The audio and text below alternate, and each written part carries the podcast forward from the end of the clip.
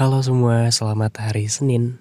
Ya kayak biasa, karena aku udah buat jadwal update episode podcastnya di hari Senin, hari Rabu, dan hari Sabtu. Uh, aku juga udah mulai mendingan, udah mulai sembuh dari sakit yang kemarin. Tapi maaf dulu ya kalau suaranya agak bindeng gini karena masih pilek. Oke. Okay. Aku ngerasa kalau hari Senin ini kayak hari spesial. Episodenya juga aku bakal bahas tentang ya paling banyak orang harapin, paling banyak yang kayak umum gitu. Ya sebelumnya juga aku mau ngucapin terima kasih sudah mau support, sudah mau ngedorong aku untuk tetap berkembang. Dan tadi aku lihat di Spotify, aku berada di urutan ke-30. Dan itu seneng banget. Ya aku terima kasih. By the way, kabar kamu gimana? Sehat aja atau sama kayak sebelumnya? Ya apa pun itu jangan lupa untuk tetap tersenyum dan jangan lupa untuk bersyukur ya. Karena mau gimana pun, kehidupan itu kalau nggak bersyukur, kita bakal ngerasa pengen lebih terus. Apalagi kalau di kehidupan itu nggak pernah ada senyuman. Senyuman tulus misalnya. Jadi kalau kita udah senyum, ya suatu saat nanti kita bakal inget senyuman itu dan di senyuman itu kita pernah berada di, di titik yang terendah sekalipun kita masih tetap bisa tersenyum.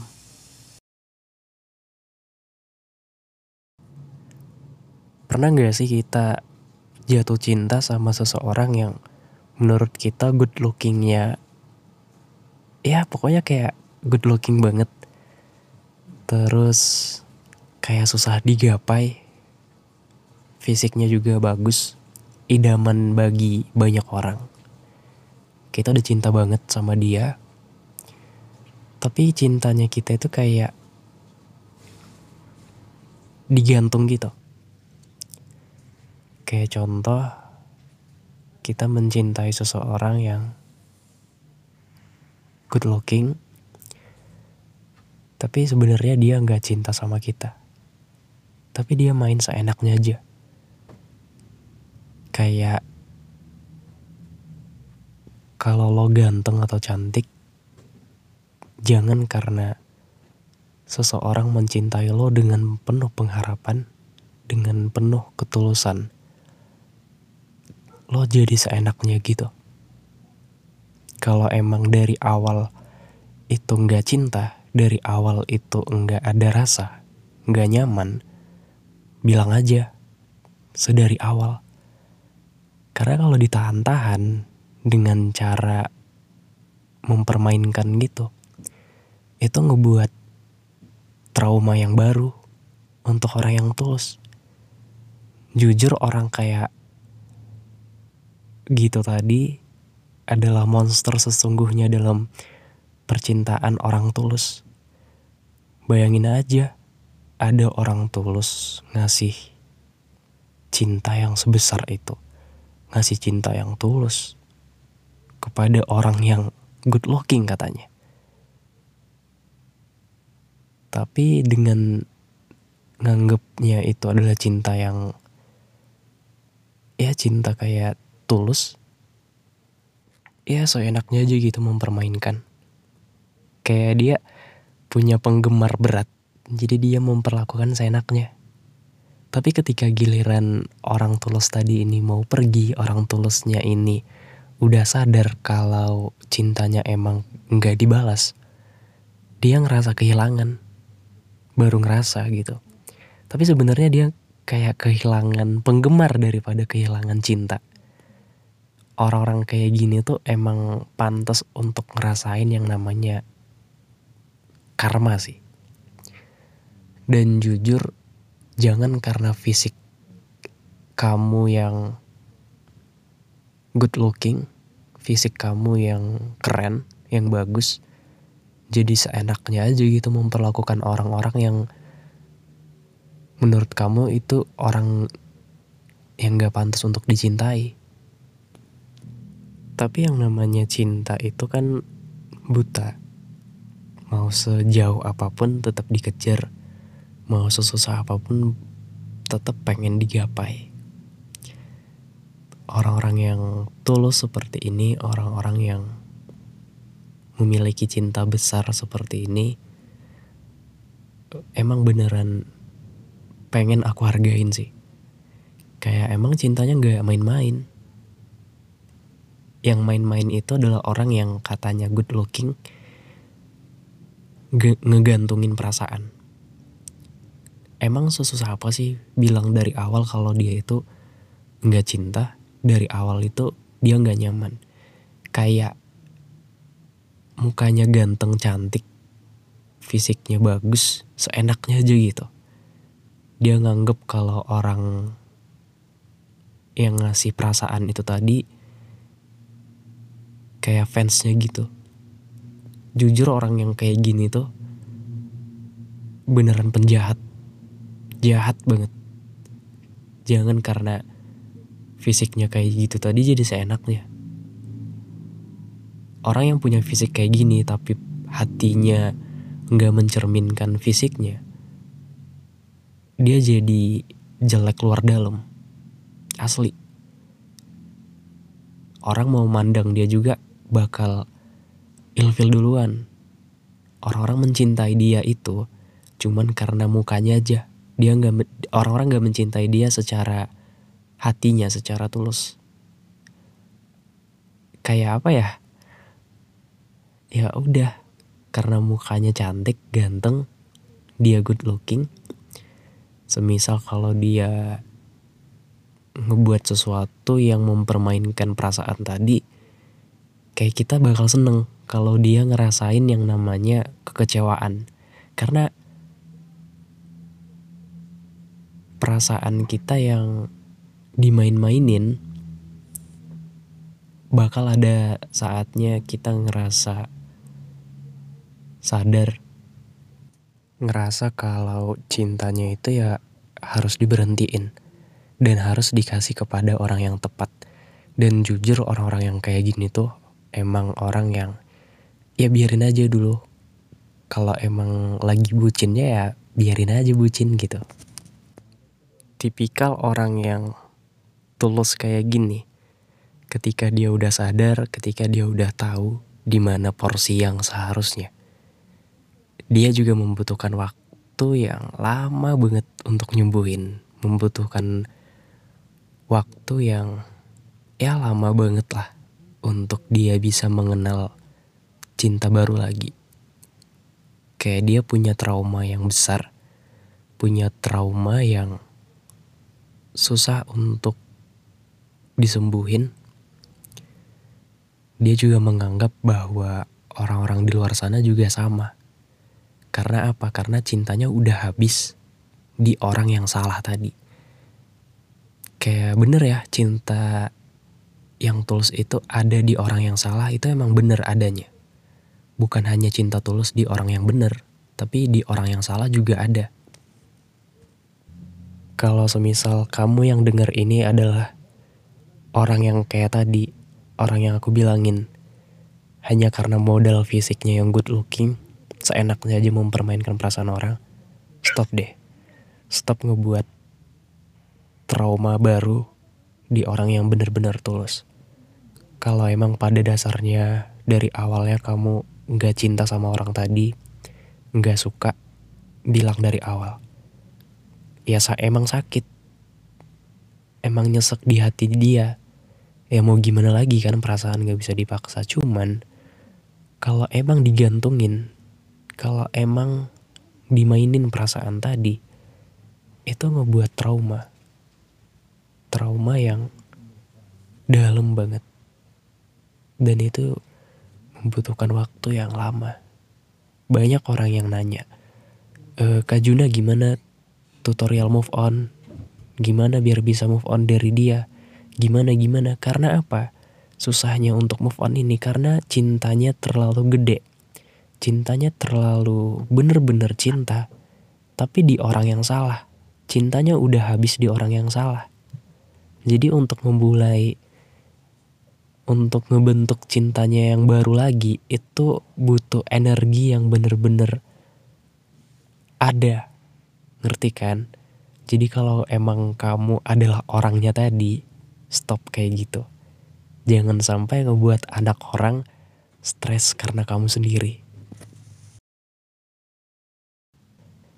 Anak orang udah stres mikirin kerjaan, mikirin tugas, mikirin keluarganya, mikirin diri sendiri. Dia juga ikutan stres mikirin lo. Apa enggak kasihan apa?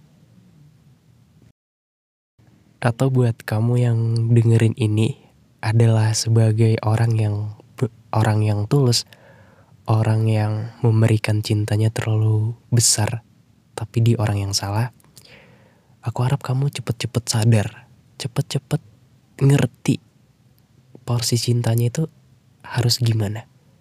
Ya kalau emang suka sama orang yang kayak gitu, emang cinta, ya udah kasih aja cintanya. Tapi jangan semua, separuh aja. Kalau bisa seperempat. Karena kalau cinta di orang yang salah itu bikin diri sendiri jadi capek, bikin diri sendiri jadi ngarepin Serius. Apalagi kalau orangnya tadi itu nggak bisa ngehargain usaha-usaha yang kamu kasih.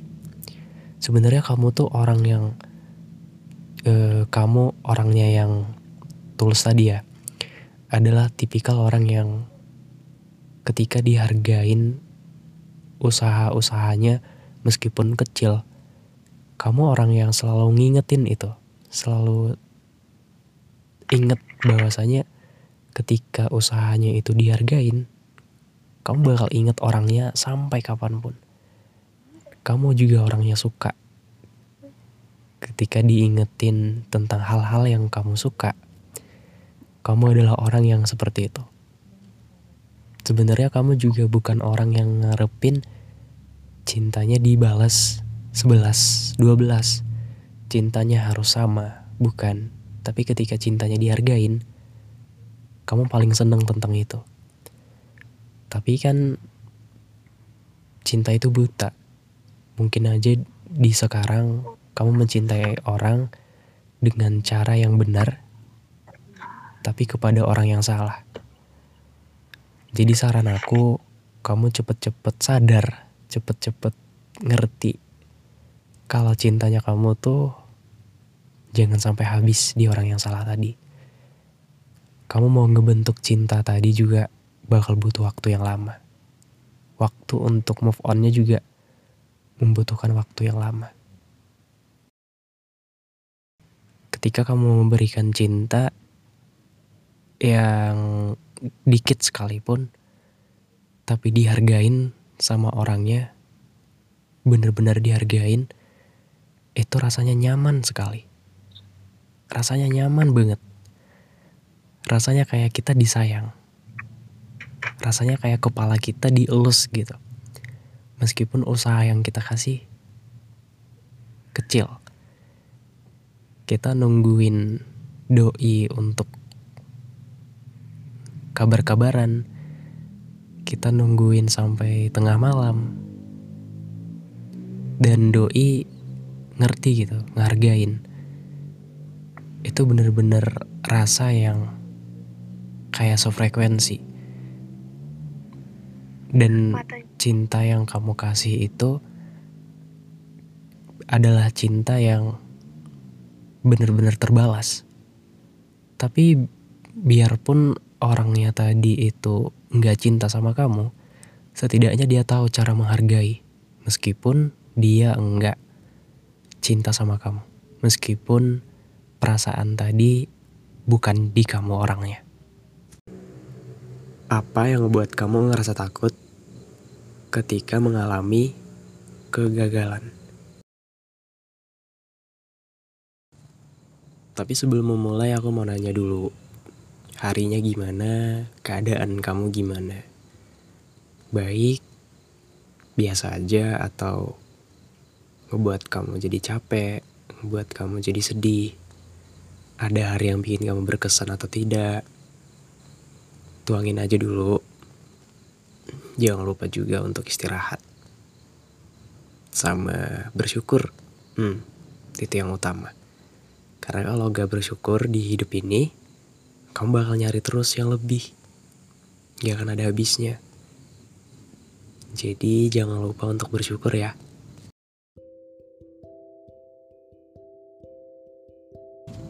Pertanyaan di awal adalah kenapa kita takut gagal?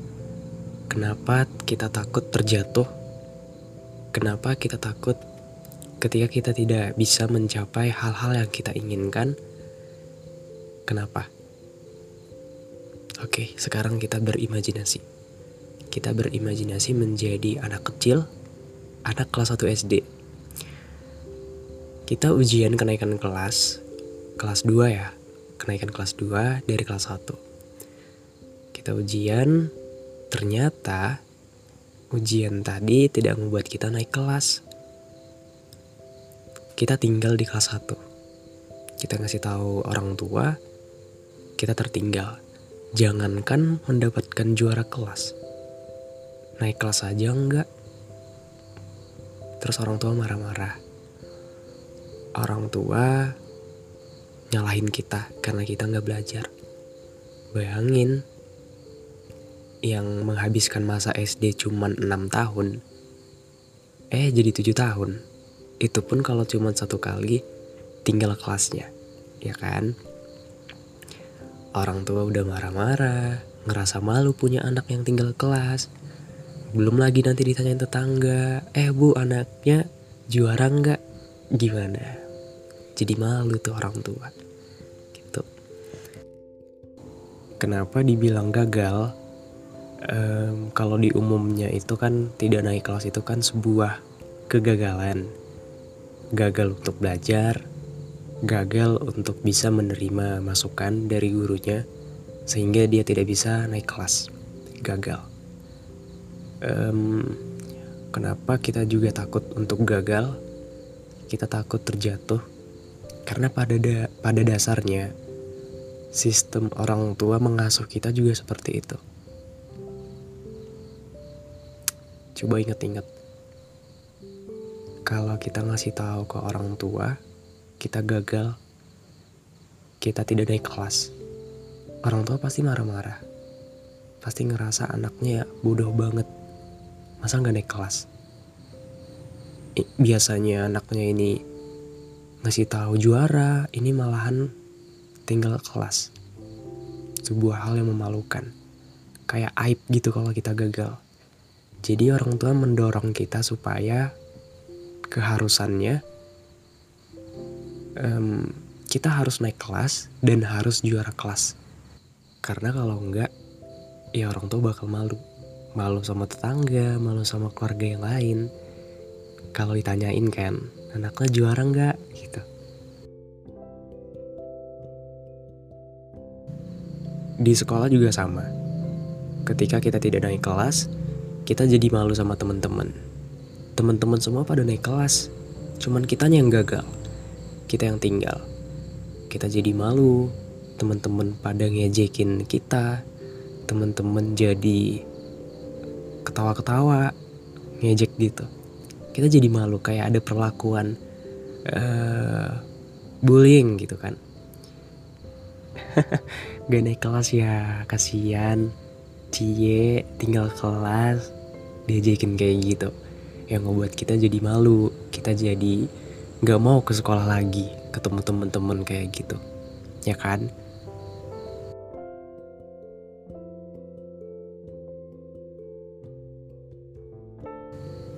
Nah dari sistem yang kayak gini itu ngebuat kita untuk berusaha memberikan yang terbaik. Aku jangan sampai gagal. Kayak dari kecil kita disuruh belajar berdiri, belajar jalan. Kalau jatuh, kayak kita disalahin. Kita coret-coret dinding disalahin. Kita mau gambarin sesuatu di mana-mana disalahin. Jadinya dari kecil kita dituntut untuk memberikan yang terbaik.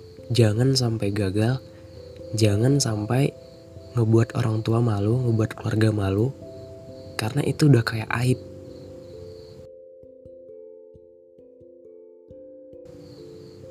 ada fenomena yang kayak gitu. Gagal keterima di PTN, gagal ngelamar kerja, gagal juara kelas. Semuanya gagal. Jadi dia takut untuk ngasih tahu sama orang tua, sama temen-temen, sama keluarganya kalau dia saat ini belum jadi apa-apa. Karena dia takut gagal. gimana ya aku mau ngasih tahu ke orang tua kalau aku belum juara kelas? Ini gimana ya? Aku takut banget kalau orang tua kecewa. Takut banget. Gitu kan? Hmm, aku udah lihat DM kamu. Takut gagal. Kalaupun dari sistemnya kita diajarin kayak gitu sekarang udah sadar kan udah ngerti aku jelasinnya ya kita yang berubah Coba sesekali kamu terima kegagalan itu. Coba sesekali kamu terima kegagalan itu masuk ke rumah kamu. Gak apa-apa kan gagal? Gak apa-apa. Kan orang-orang hebat juga pernah ngerasain yang namanya kegagalan. Orang-orang hebat pernah jatuh. Kita justru orang-orang hebat pernah merasakan kegagalan. Kalau alur hidup kita terus jalan mulus di mana bagian stresnya di mana bagian yang harus kita pikirin kalau kayak gitu mana enak kalau kita lihat kehidupan orang terus ya ngebuat kita bakal iri ngebuat kita bakal iya ya aku kayak gagal terus gitu jadi hidup itu kalau ngelihat orang lain patokannya gak akan sama karena takdir orang kan udah beda-beda rezekinya orang udah beda-beda. Jadi kalau misal kamu gagal, apa pun kondisinya, entah dalam pekerjaan, dalam percintaan, dalam keluarga, intinya kamu gagal, gak apa-apa, diterima aja. Istirahat dulu. Ya kalau emang kemampuan kamu masih di situ, bisa apa kan? Jangan dipaksa. Tapi belajar lagi. Belajar uh, menjadi yang terbaik. Belajar supaya tidak gagal seperti sebelumnya. Belajar bangkit. Gak apa-apa gagal. Gak apa-apa kalau sekarang. Belum jadi apa-apa juga. Gak apa-apa terima aja dulu diri sendiri puas-puasin aja dulu jangan ini jangan membuat patokan kalau hidup orang lain itu harus sama kayak kehidupan kamu. Orang lain udah sukses di umur segini, aku juga harus sukses. Ya kan emang bagus sebenarnya. Dia sukses di usia segini, di usia muda aku juga harus bisa. Bukan harus sama ya, harus bisa. Tapi keharusan tadi jangan memaksakan diri kamu untuk melihat ke depan terus.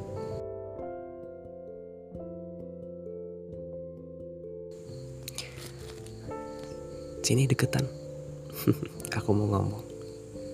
Dengerin ya. Kamu gagal bukan berarti hidup kamu juga berhenti di situ. Ya, ini cuma hari yang membuat kamu harus istirahat dulu. Jangan sibuk untuk uh, di atas terus. Ada saatnya kita di bawah. Ada saatnya kita juga di atas. Kalau gagal emangnya kita nggak bisa makan. Kalau gagal emangnya kita nggak bisa istirahat. Justru karena kegagalan ngebuat kita harus istirahat. Karena kita udah capek. Capek memenuhi ekspektasi orang. Capek dituntut jadi ini jadi itu. Jadi karena kegagalan kita harus istirahat. Gak apa-apa kalau sekarang lagi gagal. Gak apa-apa kalau sekarang lagi di posisi terendah. Gak apa-apa. Kan gak harus sama kayak orang lain. Hidup kita ya hidup kita jangan sama kayak orang lain. Beda.